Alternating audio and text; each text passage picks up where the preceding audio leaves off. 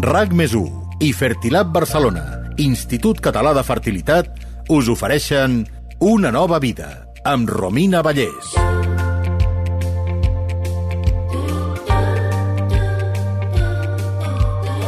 L'embaràs és una de les etapes més felices i plenes en la vida de la dona, però estar embarassada també comporta tota una sèrie de canvis físics i mentals que poden no ser tan agradables.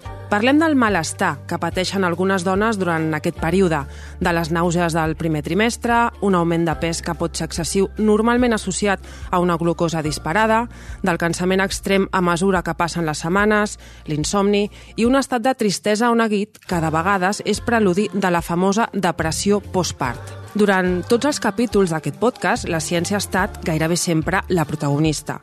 Avui, més enllà de la ciència, parlarem d'una visió més holística de l'embaràs. Fins a quin punt la nutrició ajuda a evitar problemes com els anteriors durant aquesta etapa.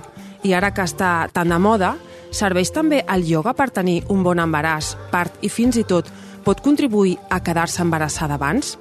Avui en parlarem de tot plegat a Una nova vida, el podcast de rac sobre la meravellosa i moltes vegades no exempta de dificultats aventura de tenir fills gràcies a la ciència. Benvingudes i benvinguts a un nou capítol. Us parla Romina Vallès, als comandaments d'aquest podcast, amb Salva Coromina fent el disseny de so. Comencem. Avui comptem a l'estudi de rac amb Laia Pasqual. Ella és dietista, nutricionista del centre Júlia Ferrer. Benvinguda, Laia.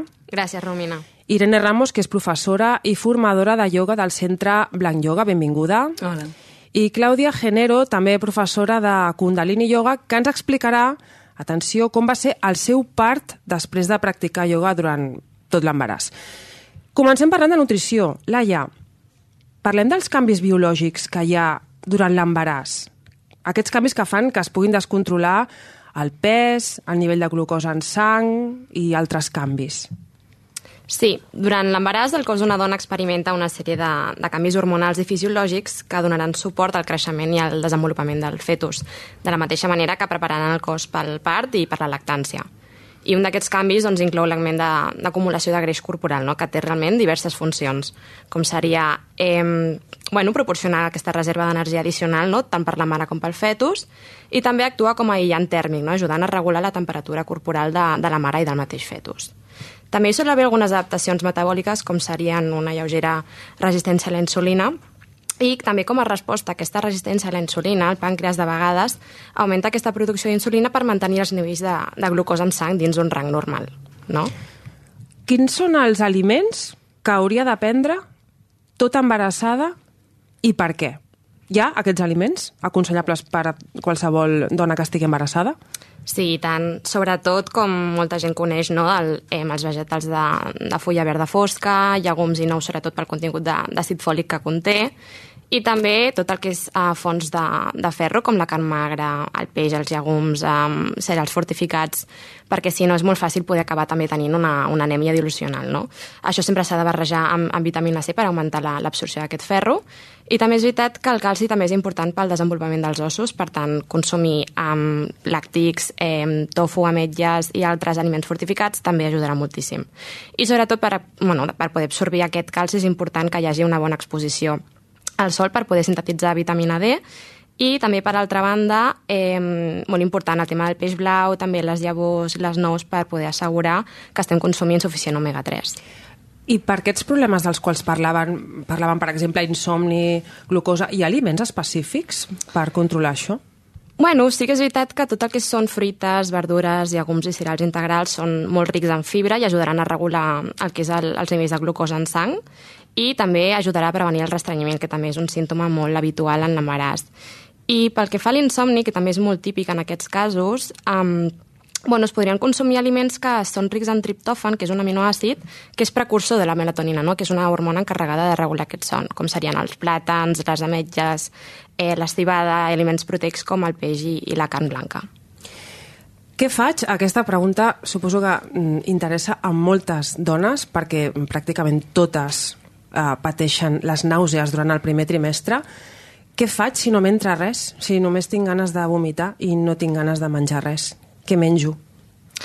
Bueno, um, per regla general, les nàusees i els vòmits es donen amb més freqüència en el primer trimestre d'embaràs. I aleshores és quan comencen a millorar, no? Sí que és veritat que quan això passa es recomana molt el que és um, repartir les ingestes en, en petits àpats distribuïts al llarg del dia per així poder evitar um, àpats molt copiosos, és a dir, menjar poca quantitat, però moltes vegades durant el dia per evitar omplir-nos massa, però també evitar el fet de tenir l'estómac buit. Sí que és veritat que evitar preparacions que puguin dificultar la digestió, com aliments grassos o picants, eh, també seria bona opció. I si ets propens a les nàusees pel matí, et recomano que puguis menjar algun aliment saludable que tinguis al llit ja abans d'aixecar-te. També és important que dona embarassada identifiqui i pugui evitar aquells aliments o olors i textures que les provoquin i si aquestes nàusees arriben a ser vòmits, eh, doncs sí que és important que el fet de reposar líquids i sals minerals es pugui tenir en compte bevent aigua i líquids. Saps què em calmava a mi molt, eh, les nàusees? Els palets de, de pa. Sí, Sí, la veritat és que a nivell de gestió eh, van molt bé, són molt lleugers. Clar, són molt digestius i quan tens problemes m'imagino sí, que van sempre bé. has tenia la tauleta de nit. Sí, molt bé, molt bé. És cert aquell dit popular que resa que una embarassada ha de menjar per dos o no? Està clar que no. Molta gent no ho sap, però sí que és veritat que eh, tampoc és el moment de fer dieta, no? però tampoc cal menjar mm, el doble. La veritat és que durant l'embaràs la qualitat de la dieta és molt més important que el menjar de més. No? De fet, menjar en excés durant l'embaràs pot acabar conduint a un augment de, de pes innecessari que podria inclús augmentar el risc de complicacions tant per la mare com, com pel nadó. Mm -hmm. Quins són els aliments que es desaconsellen durant l'embaràs i per què? El típic, no? Ah, que no pots menjar peix cru, no pots menjar sushi, no pots menjar sí. eh, embotits, formatge que estigui elaborat a partir de llet crua... Sí, està clar que hi ha alguns aliments que s'han d'evitar per um, evitar certs riscos potencials en la salut de la mare i del nadó dels més coneguts serien bueno, el peix de, amb el contingut de, de mercuri, sobretot peix gran com seria eh, la tonyina, el peix espasa, i seria millor optar per um, peixos de mida més petita, com el salmó, la truita o el bonítol. El peix cru o el marisc cru, evidentment, com el sushi, el ceviche o altres productes que puguin contenir eh, aquest aliment en la seva versió crua.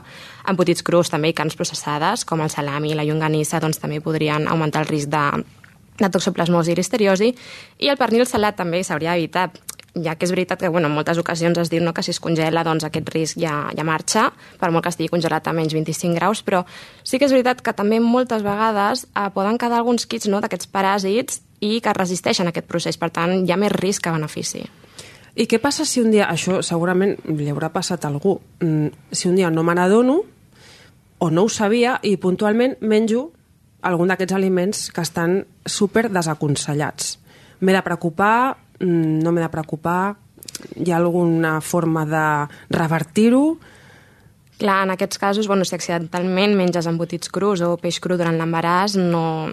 és important tampoc no entrar en pànic, no? però sí que és important que puguis informar la teva obstetra, perquè pot ser recomanable que, bueno, que es pugui fer alguna prova per detectar possibles infeccions o rebre, si no, orientació addicional. És important això, no entrar en pànic i, i dir-li a, la, sí, a la metgessa. exacte.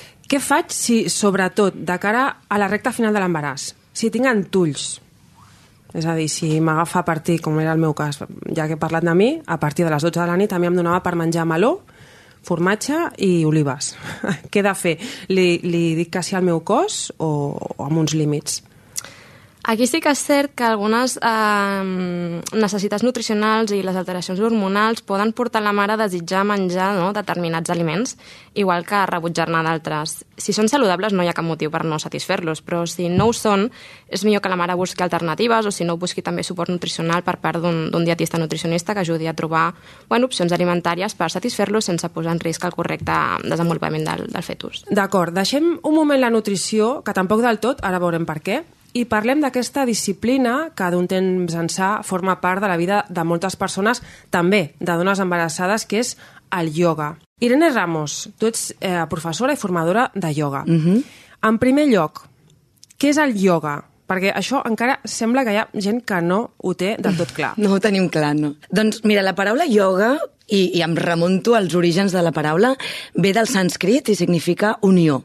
Llavors, el ioga és una pràctica que és física, però també és mental i és espiritual. I ve de la Índia, no? ve de la Índia antiga. Sobretot, el que és el ioga, i això és molt important que quedi clar, és un camí de transformació. És a dir, és cert que el ioga ens serveix per viure amb un cert equilibri, és cert que el ioga ens fa sentir bé, és cert que treballem el cos, però això és de curt recorregut. El que és essencial del ioga és que és una tecnologia de transformació, d'autoconeixement i fins i tot pot donar respostes als grans interrogants existencials, si vols, no? perquè hi ha tota una, una filosofia, una cosmovisió al darrere que, que és valiosíssima, no? i això s'ha de tenir en compte. Si no hi ha transformació, no hi ha ioga. Val? Llavors, això tinguem-ho clar. Perquè d'aquest serveix tenir uns glutis perfectes o, o un cos molt flexible si la teva ment no guanya en flexibilitat, no? si tens una ment rígida. Llavors, el ioga d'ara, en molts casos, potser s'ha convertit una mica en una espècie de culte al cos. No? I per això diem que la gent no té molt clar ben bé què és el ioga. No? S'està convertint en una, una mena de, de cosa acrobàtica estranya que... Per veure que està més, més elàstic i més... Sí, clar, que es, es, ens pensem que té a veure amb la flexibilitat, Exacte. no? amb tenir eh, molta força mm. o a fer postures precioses i no té... No és que tingui a veure, és que no té res a veure amb això. No? El ioga és, és, és un riu extraordinàriament ampli que, que ens enriqueix moltíssim, no només a nivell físic, sinó també a nivell mental i emocional. No? I té doncs, aquesta dimensió espiritual molt important.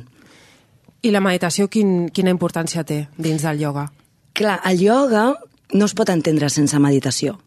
És a dir, sí que hi ha una diferència entre el que és el ioga i és la meditació. Um, el ioga el que vol és preparar el cos per arribar a un estat meditatiu. No? I això ho fem doncs, mitjançant postures, no? que també anomenem asanes, tècniques de respiració, que també els diem pranayames, i tot això doncs, per arribar a un estat de calma mental i això seria la porta d'entrada a la meditació. És com preparar el cos perquè quan et sentis a meditar, el cos i la ment no siguin un obstacle, que tot estigui en un punt neutre, no? generar les condicions perquè arribi a aquest estat meditatiu. Llavors, la meditació en si, no? la diferència entre una cosa i l'altra, la meditació en si és una pràctica, és un mètode. És un mètode específic que el que fa és entrenar, cuidar i desenvolupar la ment i això es pot fer sense necessitat d'haver fet una pràctica de ioga abans. Tu pots entrar en un estat meditatiu mirant una posta de sol, per exemple, no? Per tant, d'alguna manera, segons el que ens defineixes, el ioga és un estil de vida la nutrició formaria part d'aquest estil de vida? També el contempla? Sí, per manera, suposat. No? I tant, i tant. El ioga es centra més en, en la, el que seria la nutrició de la medicina ayurvèdica, mm. que és la mm. medicina tradicional de la Índia, i de fet la ayurveda no es pot entendre sense el ioga. I el ioga, el més recomanable és que vagi acompanyat també d'uns hàbits alimentaris que facin que la teva pràctica de ioga creixi. No? Parlem de l'embaràs. De quina manera pot ajudar el ioga a una dona embarassada? Mira, el ioga pot ser beneficiós per les dones embarassades de moltes maneres, sempre i quan es practiqui d'una forma segura i amb la supervisió adequada. Això és molt important, que no ens posem a fer ioga a casa amb els vídeos de amb YouTube. un YouTube. Clar, no, no. és molt important I, i, i gràcies a gràcies a Déu tenim a, a Barcelona i a Catalunya i tenim molt a prop centres que estan molt especialitzats i professors que s'especialitzen en, en ioga per embarassades i per acompanyar doncs, aquestes dones en aquest procés. Llavors, de manera específica, doncs, primer, millora la, la flexibilitat i la força muscular. Uh, en postures suaus de ioga podem ajudar a mantenir i millorar la flexibilitat i reforçar els músculs necessaris que després els necessitarem per aquest pes extra no?, que anirem guanyant durant l'embaràs. També ens pot ajudar a, a disminuir la tensió muscular i el malestar. No? Moltes dones experimenten molèsties musculars, tensió durant l'embaràs, i el ioga doncs, les, les pot uh, ajudar a alleujar això mitjançant mm -hmm. també tècniques de respiració i hi ha postures molt específiques que treballen, que treballen aquest tipus de malestar. Una altra cosa molt important és que promou la consciència corporal. És a dir, aquesta connexió ment i cos fa que um, que la dona agafi més consciència dels canvis que s'estan donant al seu cos. El ioga és fer conscient els processos inconscients del teu cos. Uh mhm. -huh. El batec del teu cor, la teva respiració. Fins i tot hi ha un tipus de ioga que és preciós, que és el ioga orgànic, que et convida a entrar en contacte amb la teva víscera. No? Llavors, aquest tipus de connexió fa que la dona eh, pugui estar potser més preparada o pugui abraçar aquests canvis que el seu cos experimenta. Una altra part crucial és la respiració. Uh -huh. no? les tècniques de respiració que, que fem al ioga poden ajudar moltíssim no només a les dones embarassades, sinó a tothom a, a, a controlar el seu estat d'ànim i, i és obvi, no? i és de, de, per tots coneguts, que la respiració és una eina molt útil durant el part i, i val la pena doncs, tenir això preparat abans de... Ara, ara ens ho explicarà la, la Clau, quan ens parli ara de sí. la seva experiència. Abans et voldria preguntar, mmm, pot fer qualsevol persona ioga, és a dir, una dona embarassada, mmm, pot apuntar-se a ioga encara que no hagi fet ioga en tota la seva vida? És molt difícil, és molt complicat, pot fer qualsevol? Ho pot fer qualsevol. És a dir, és, un, és, un, és una, una disciplina que s'adapta a qualsevol nivell. Sí que és veritat que en el cas d'una dona embarassada no és, el, és important que vagi a una classe especialitzada de ioga prenatal. Clar, no qualsevol classe de no, ioga. és que a més a més la dona això que dèiem, de que experimenta uns canvis molt poderosos durant aquests nou mesos i no és el mateix les postures que es poden fer quan una està de 4 mesos que quan està de 8. Uh -huh. no? perquè el cos ha canviat completament. I, mm, i això sí, és, és important, però sobretot en, en persones que sàpiguen el que es fan, no anar per lliure segons el que deies, practicar ioga també pot contribuir a quedar-se embarassada. Vale, el ioga en si mateix no és un mètode garantit per quedar-se embarassada. No, no científicament, però amb tot el que explicaves de tenir més consciència del teu cos, Exacte. de desbloquejar-te, no? tot això mm, ajuda sí. a estar més relaxada, ajuda a estar sí. més saludable de cara a mm, quedar-se embarassada. Sí, a veure, la, la concepció no, és, és, és algú que està molt influenciat per diversos factors físics, hormonals i d'estil de vida. Uh -huh. Tot i això sí que és veritat que s'ha suggerit no, que la, la pràctica de ioga podria tenir beneficis relacionats amb la fertilitat, amb el benestar general, i que podria contribuir d'una manera indirecta a millorar doncs, aquestes possibilitats de concepció. A veure, de quina manera? Doncs mira, hi ha un, una cosa molt clara. L'estrès crònic, per exemple, pot afectar negativament la fertilitat. Mm -hmm. Llavors, la pràctica de ioga, que inclou tècniques de relaxació, de reducció de l'estrès, de reducció de l'adrenalina, del cortisol, que són les hormones de l'estrès, doncs totes aquestes tècniques sí que podrien ajudar algunes persones, algunes dones, a gestionar millor aquest estrès. Con la qual a menys estrès sí que això facilitaria no, l'entorn per, per quedar-se embarassada. Hi ha una altra part importantíssima, l'equilibri hormonal. No? Algunes postures de ioga i tècniques de respiració s'associen directament amb un equilibri de les hormones. I mantenir, mantenir un equilibri hormonal adequat també és crucial amb una bona salut reproductiva. Millora la circulació sanguínia, no? el moviment i les postures de ioga, les asanes, la respiració, tot el que envolta el, el ioga, um, uh, beneficia molt a la circulació sanguínia i això facilita també l'arribada de nutrients als òrgans reproductors, no? amb la qual cosa també estem generant bones condicions. I després aquesta connexió ment i cos. No? La pràctica de ioga eh, fa que puguis estar una mica més en sintonia amb el teu cos i siguis més conscient de les teves necessitats. No? També és veritat, i això també vull dir-ho, que no és un substitutiu de res, el ioga. Mm -hmm. no? eh, S'ha de tenir en compte que la infertilitat doncs pot tenir moltes causes i el que funciona per una persona no funciona per una altra i si estàs, tenint experim um, estàs experimentant dificultats per concebre, és fonamental primer consultar un mm -hmm. professional, un ginecòleg, eh, un especialista en fertilitat que et pugui també assessorar una mica. Eh? Això és molt important. La Clàudia porta fent ioga molts anys i quan es va quedar embarassada va seguir practicant ioga fins gairebé el dia del teu part. És així, Clàudia? Sí, de sí, fet, és. vas donar, crec que vas donar classes de ioga, perquè tu també mm, ets professora de ioga, i sí. les vas donar fins al final. Sí, sí, sí. Yo recuerdo la cara de susto de, de los alumnos, porque yo hacía todas las posturas y hacía ranas, iba a saco. Físicament, com et vas trobar durant l'embaràs? Bueno, muy flexible, sobre todo. Eh, al practicar tanto yoga, pues no cogía demasiado peso, eh, o sea, no, no engordé demasiado.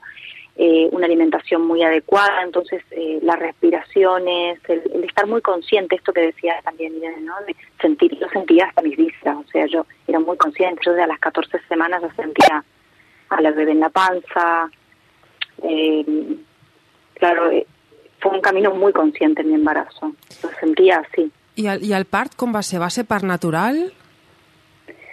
Sí, fue mm, parto totalmente natural, que lo empezamos en casa. Eh, comenzó a las 6 de la mañana, que, que yo sentía eran unas contracciones que no, no había vuelta atrás. Y pues empecé con la, la pelota, eh, luego en la bañera, con mis aceites, mantras, respiraciones y bueno, tengo la suerte que, que mi pareja, por así decirlo, suerte, es también yo y entonces eh, ambos estábamos danzando en esta eh, en este camino ¿no? de, del parto y cuando sentimos que ya que ya no podía, que si no me iba al hospital en ese momento, lo iba a parir en casa. Eh, pues nos fuimos al hospital y yo tenía clarísimo que no quería que me hablen, yo estaba muy conectada conmigo, me había puesto unas gafas enormes de sol y no quería que nadie me mire. Y entonces llegamos al hospital y solamente hice seña que me dejaba poner mi vía de, su de suero por si pasaba algo. Uh -huh.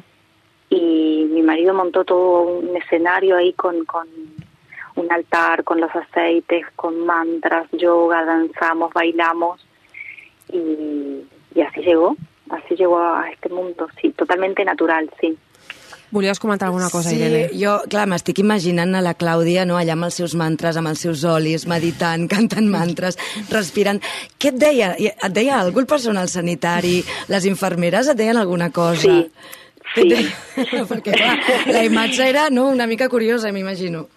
Venían a vernos, porque nosotros no llegamos al paritorio, fue todo antes, eh, y llegaban a vernos y, y era como, wow, estaban, querían filmarnos. Claro, Kiko les dijo evidentemente a mi marido que no, pero eh, querían filmar y decía, qué bonito. Y, bueno, nosotros estábamos tan compenetrados y después lo gracioso fue que cuando ya acabó el parto y luego de parir y demás, además eh, mi marido pudo experimentar de tocarle la cabecita a la bebé, fue todo muy respetado. Mm. Eh, que cuando acabó el parto mi marido decía, qué agujetas tengo, qué dolor, le dolía toda la pelvis de bailar y yo lo miraba como... De bailar, parido, ¿eh? De bailar, de bailar. claro, él había, él seguía mis movimientos, ¿no? Estaba tan compenetrado, pero yo decía, ¿cómo puede decir que le haya dolido que tenga agujetas cuando yo acabo de parir un humano?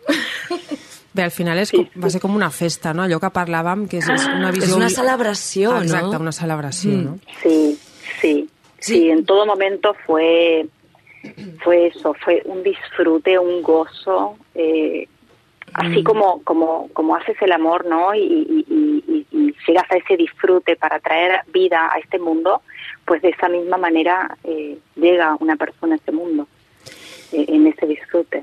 Irene, volies comentar alguna cosa sí, per acabar? jo el que he vist, el que veig i el que, i el que estic veient amb la Clàudia és que també aquest empoderament i aquesta confiança que et dona a l'haver-te treballat abans i portar anys abans també practicant ioga.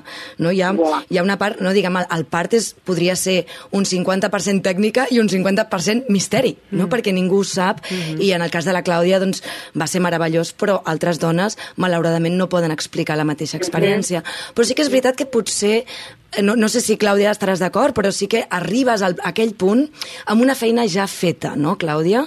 Mm, Sí, totalmente. Amb una actitud ja positiva, ja Clar. com oberta a experimentar l'experiència tal com Sí. és, no? Claro, todas las mujeres al final tenemos ese miedo a parir, porque vas a una cita ciegas, o sea, no sabes qué te puedes encontrar. Todo Totalmente. es el dicho, ¿no? Y los dolores de parto.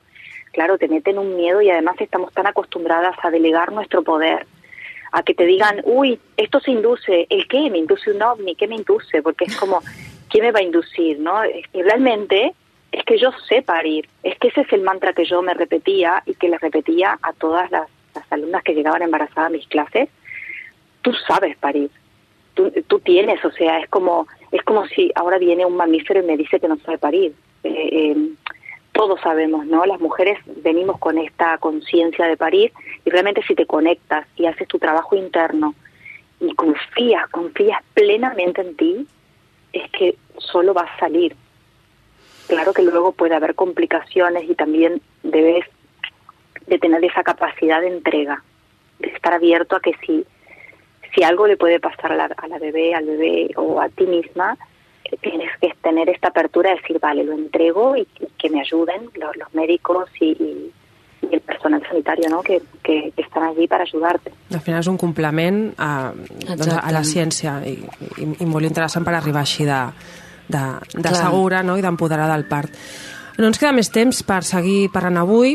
Moltíssimes gràcies per venir, Laia Pasqual, dietista nutricionista al Centre Julià Ferrer, Irene Ramos, professora i formadora de ioga a Blanc Yoga, i la Clàudia Esther Genero, professora de Kundalini Yoga. I amb vosaltres, estimada audiència, ens tornem a trobar d'aquí a dues setmanes al proper capítol d'Una nova vida, o també podeu recuperar els capítols a l'aplicació de rac i a rac Gràcies a tothom per acompanyar-nos i fins a la propera.